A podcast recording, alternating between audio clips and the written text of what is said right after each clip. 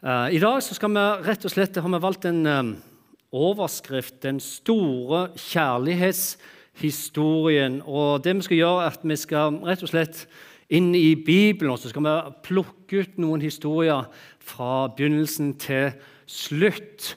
Fordi eh, Gamle testament og Nytestament naturligvis henger i sammen. Og det en skal se at Gud, som er trofast, som er full av kjærlighet, han samme Gud i Gamle testament som han er i Det nye testamentet.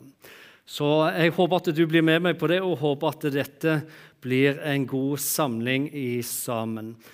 Og det som er Noe av poenget og hvorfor han gjør det, er jo fordi det er nesten sånn når du leser i Guds ord, så hei fra første side til de siste, så er det nesten som en, et lys som kommer med jevne mellomrom.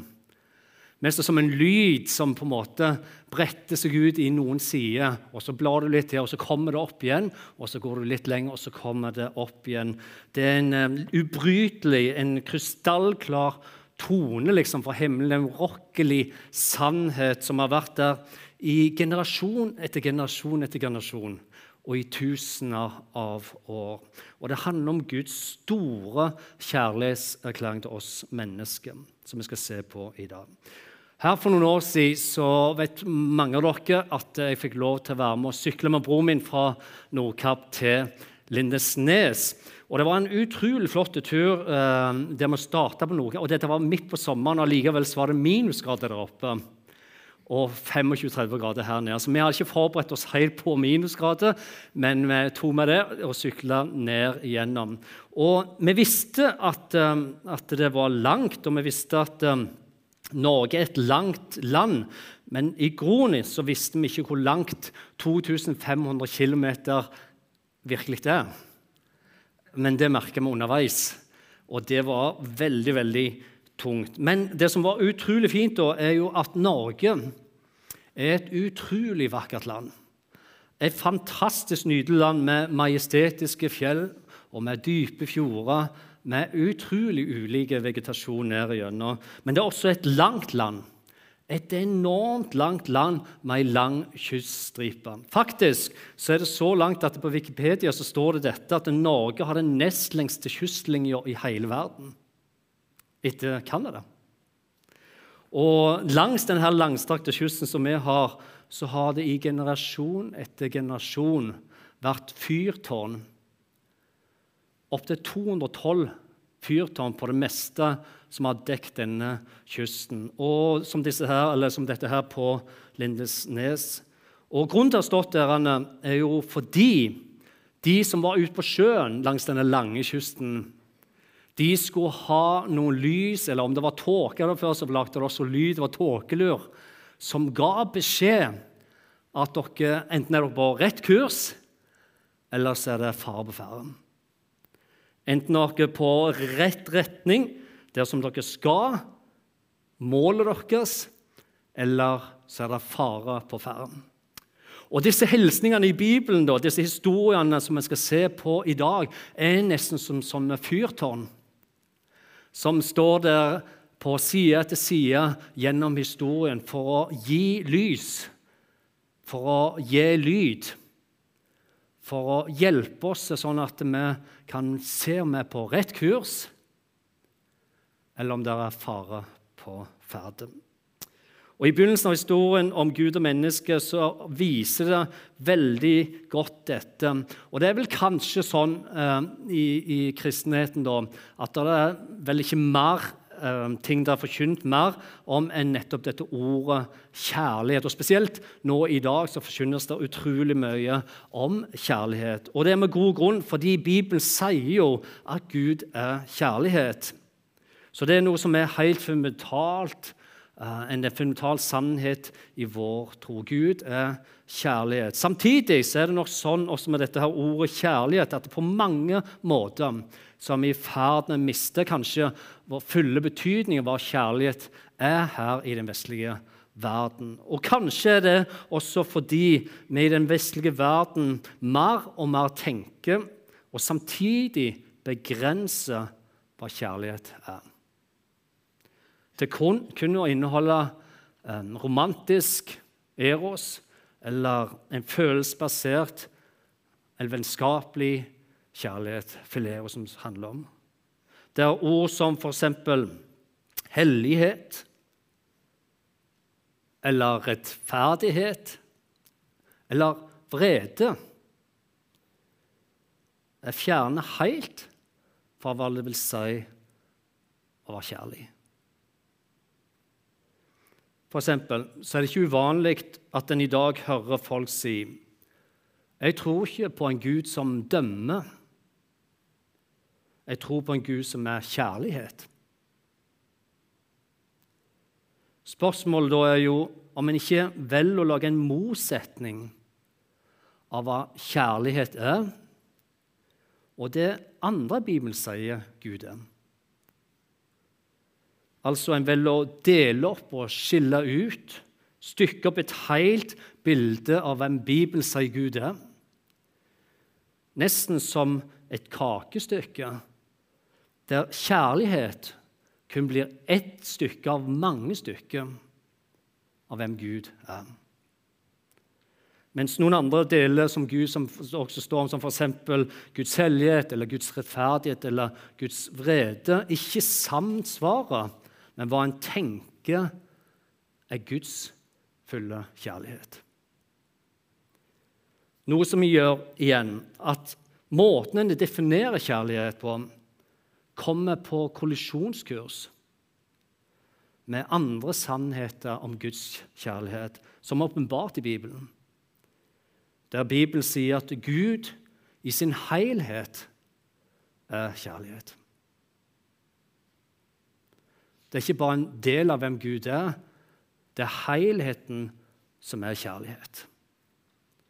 Noe som betyr at Guds hellighet og Guds rettferdighet, Guds vrede, også en del, og en helt nødvendig del, av hva det vil si å være kjærlig. Det hele og fulle bildet er det at Gud er kjærlighet. I 2. Korinterbrev 5 så kan man lese det sånn som dette her, og det står det at eh, den som er i Kristus, hva er den? Jo, den er en ny skapning, står det. Det gamle er borte, så er det nye blitt til. Men alt er av Gud. Han som ved Kristus forsonte oss med seg sjøl og ga oss forsoningens tjeneste. For det var Gud som i Kristus forsonte verden med seg sjøl, slik at han ikke tilregner dem deres misgjerninger. Og han betrodde budskapet om forsoningen til oss. Og så står det videre så er vi da utsendinger for Kristus. Og det er Gud sjøl som formaner gjennom oss. Vi ber dere på Kristi vegne La dere forsone med Gud. For han som ikke visste synd, har han gjort til synd for oss, for at vi i ham skulle få Guds rettferdighet. Og jeg tenker sånn at Uten tvil, når en leser disse versene som Paul skriver til korinterne, når en leser det at han som var helt uten skyld, velger å ta vår plass og ta vår synd, så ser vi at forsoningen, eller gjenopprettelse som forsoning betyr, uten tvil er Guds kjærlighetserklæring til hver eneste en av oss. Det var Gud som valgte å forsone seg, gjenopprette det brutte, det som hadde gått stykker hos oss. Det var Gud som valgte å forsone seg med det. Men så må vi høre etter. Men uten Jesu hellighet så kunne han ikke tatt vår synd.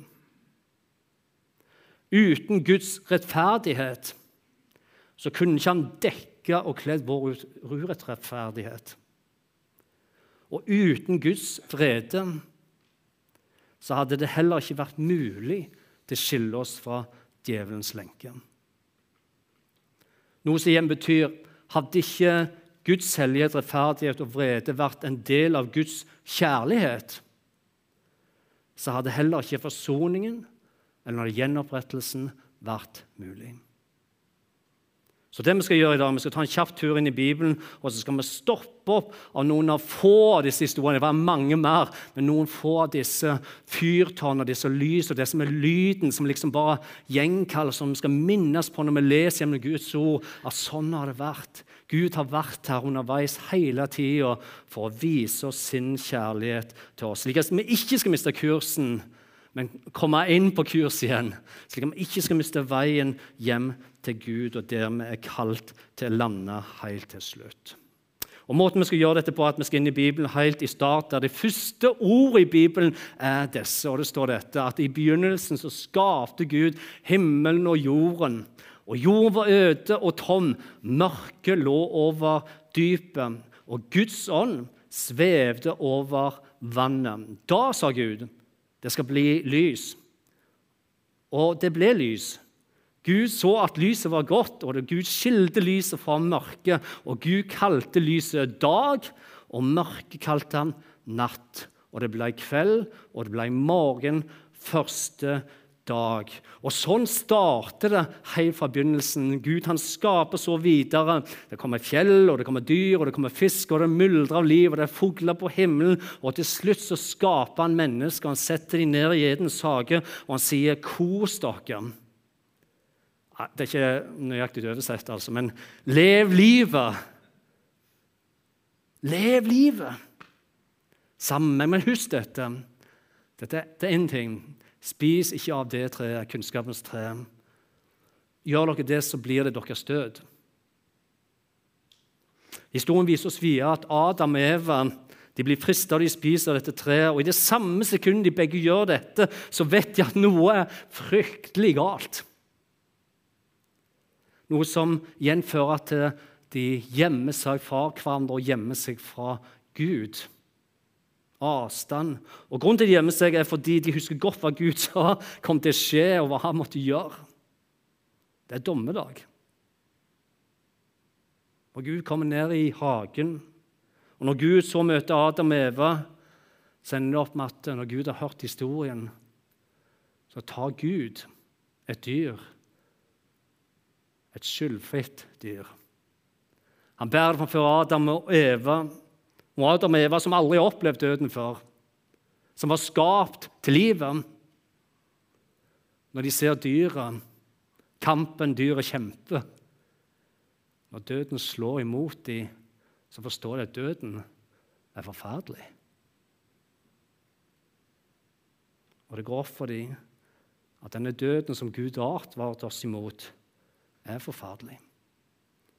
Det står videre dette at Herren Gud lage klær av skinn til mannen og kvinnen, og han kledde de. Men en uskyldig måtte dø. En som ikke hadde noe med deres opprør å gjøre, eller ulydighet, måtte ta plassen for dem. En uskyldig måtte dø fordi mennesket sjøl ville bestemme mellom hva som var rett, og hva som var galt. Mange teologer mener at dette er det første bildet i Bibelen på det Jesus en dag som kom til å gjøre for oss mange tusen år senere. Nemlig at en uskyldig, en som ikke har noe med vår skyld å gjøre, en som ikke hadde gjort noe galt, var nødt til å dø. La oss hoppe fram i Bibelen når vi går inn i andre Mosebok, der det står at israelittene nå har blitt et stort folk. Og de har vært et folk som i flere hundre år, 430 år, står det, vært slaver i Egypt.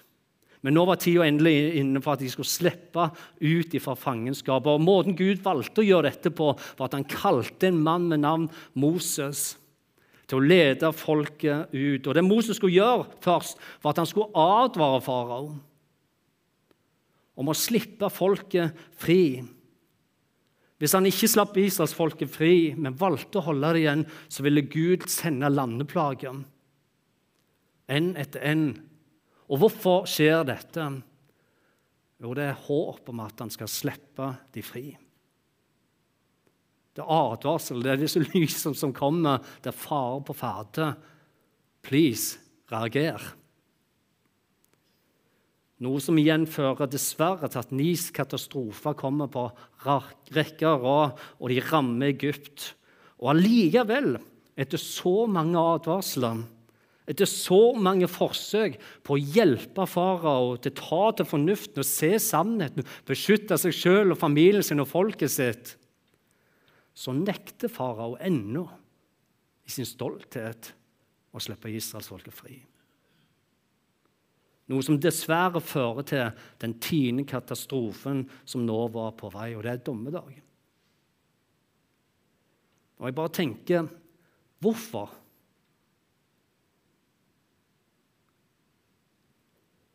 Hvorfor hører en ikke etter? Hvorfor ser en ikke forløpet? Hvorfor tar en ikke signaler?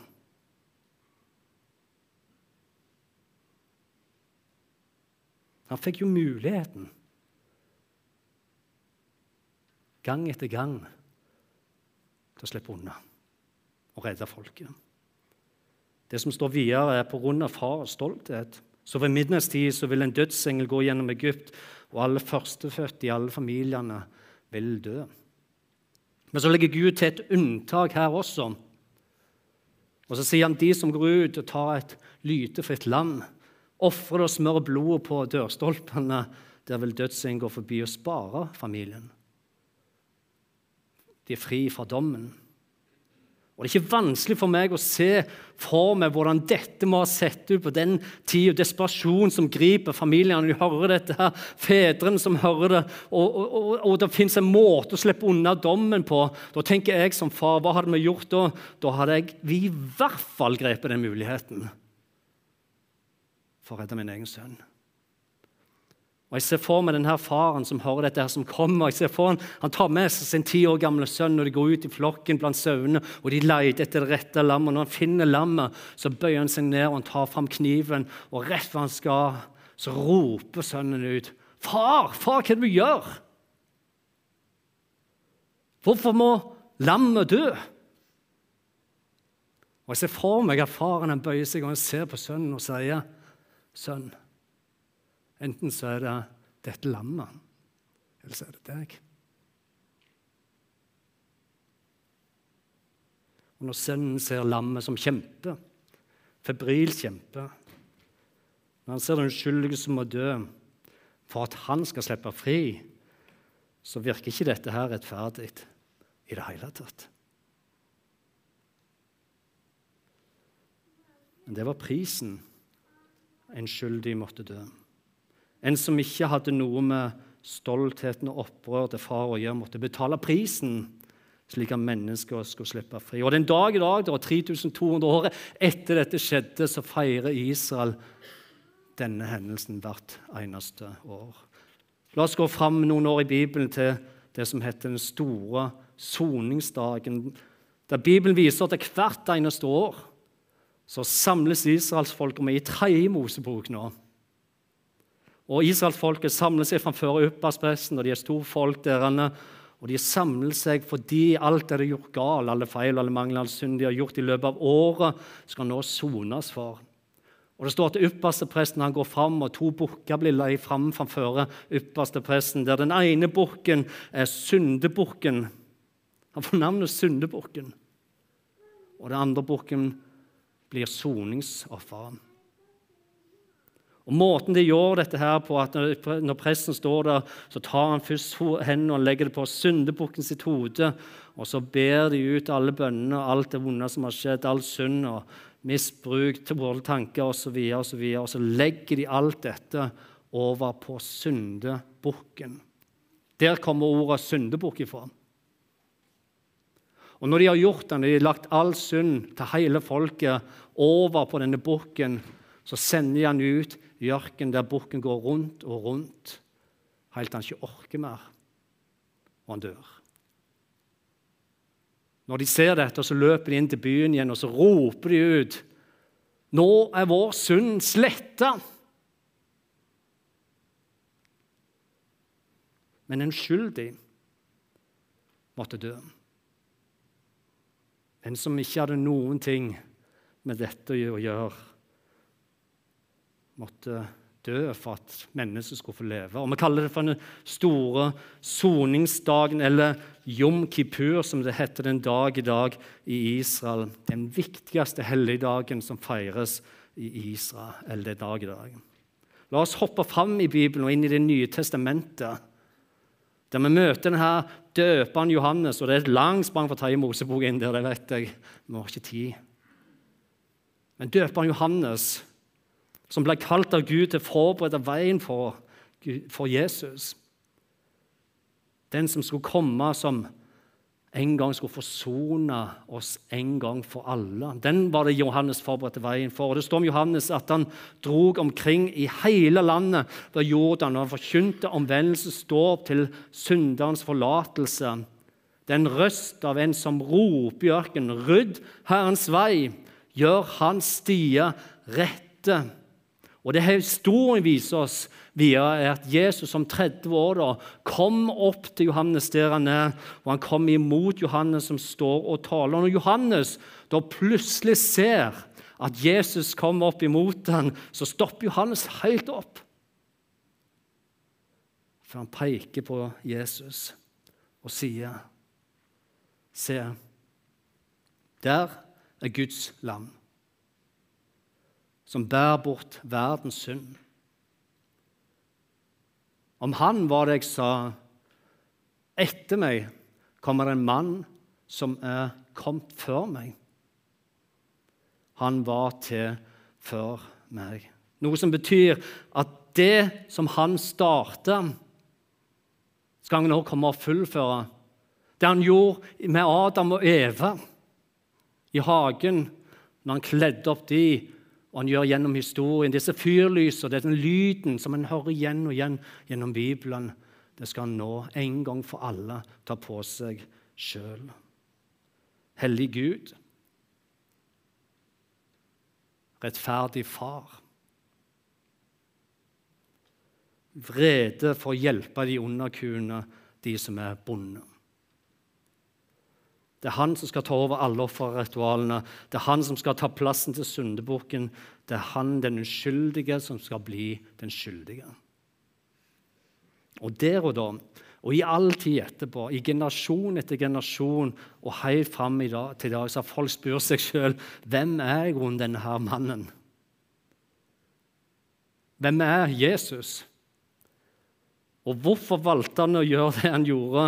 Og døperen Johannes han valgte å si sånn Se, der er Guds lam.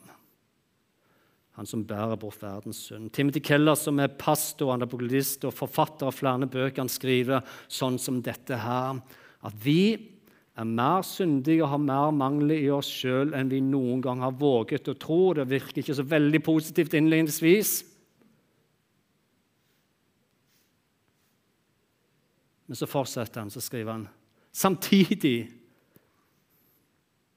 er vi mer elsket og akseptert i Jesus Kristus enn vi noen gang har våget å håpe på. Og det dere Det er sånn fordi Gud er kjærlighet.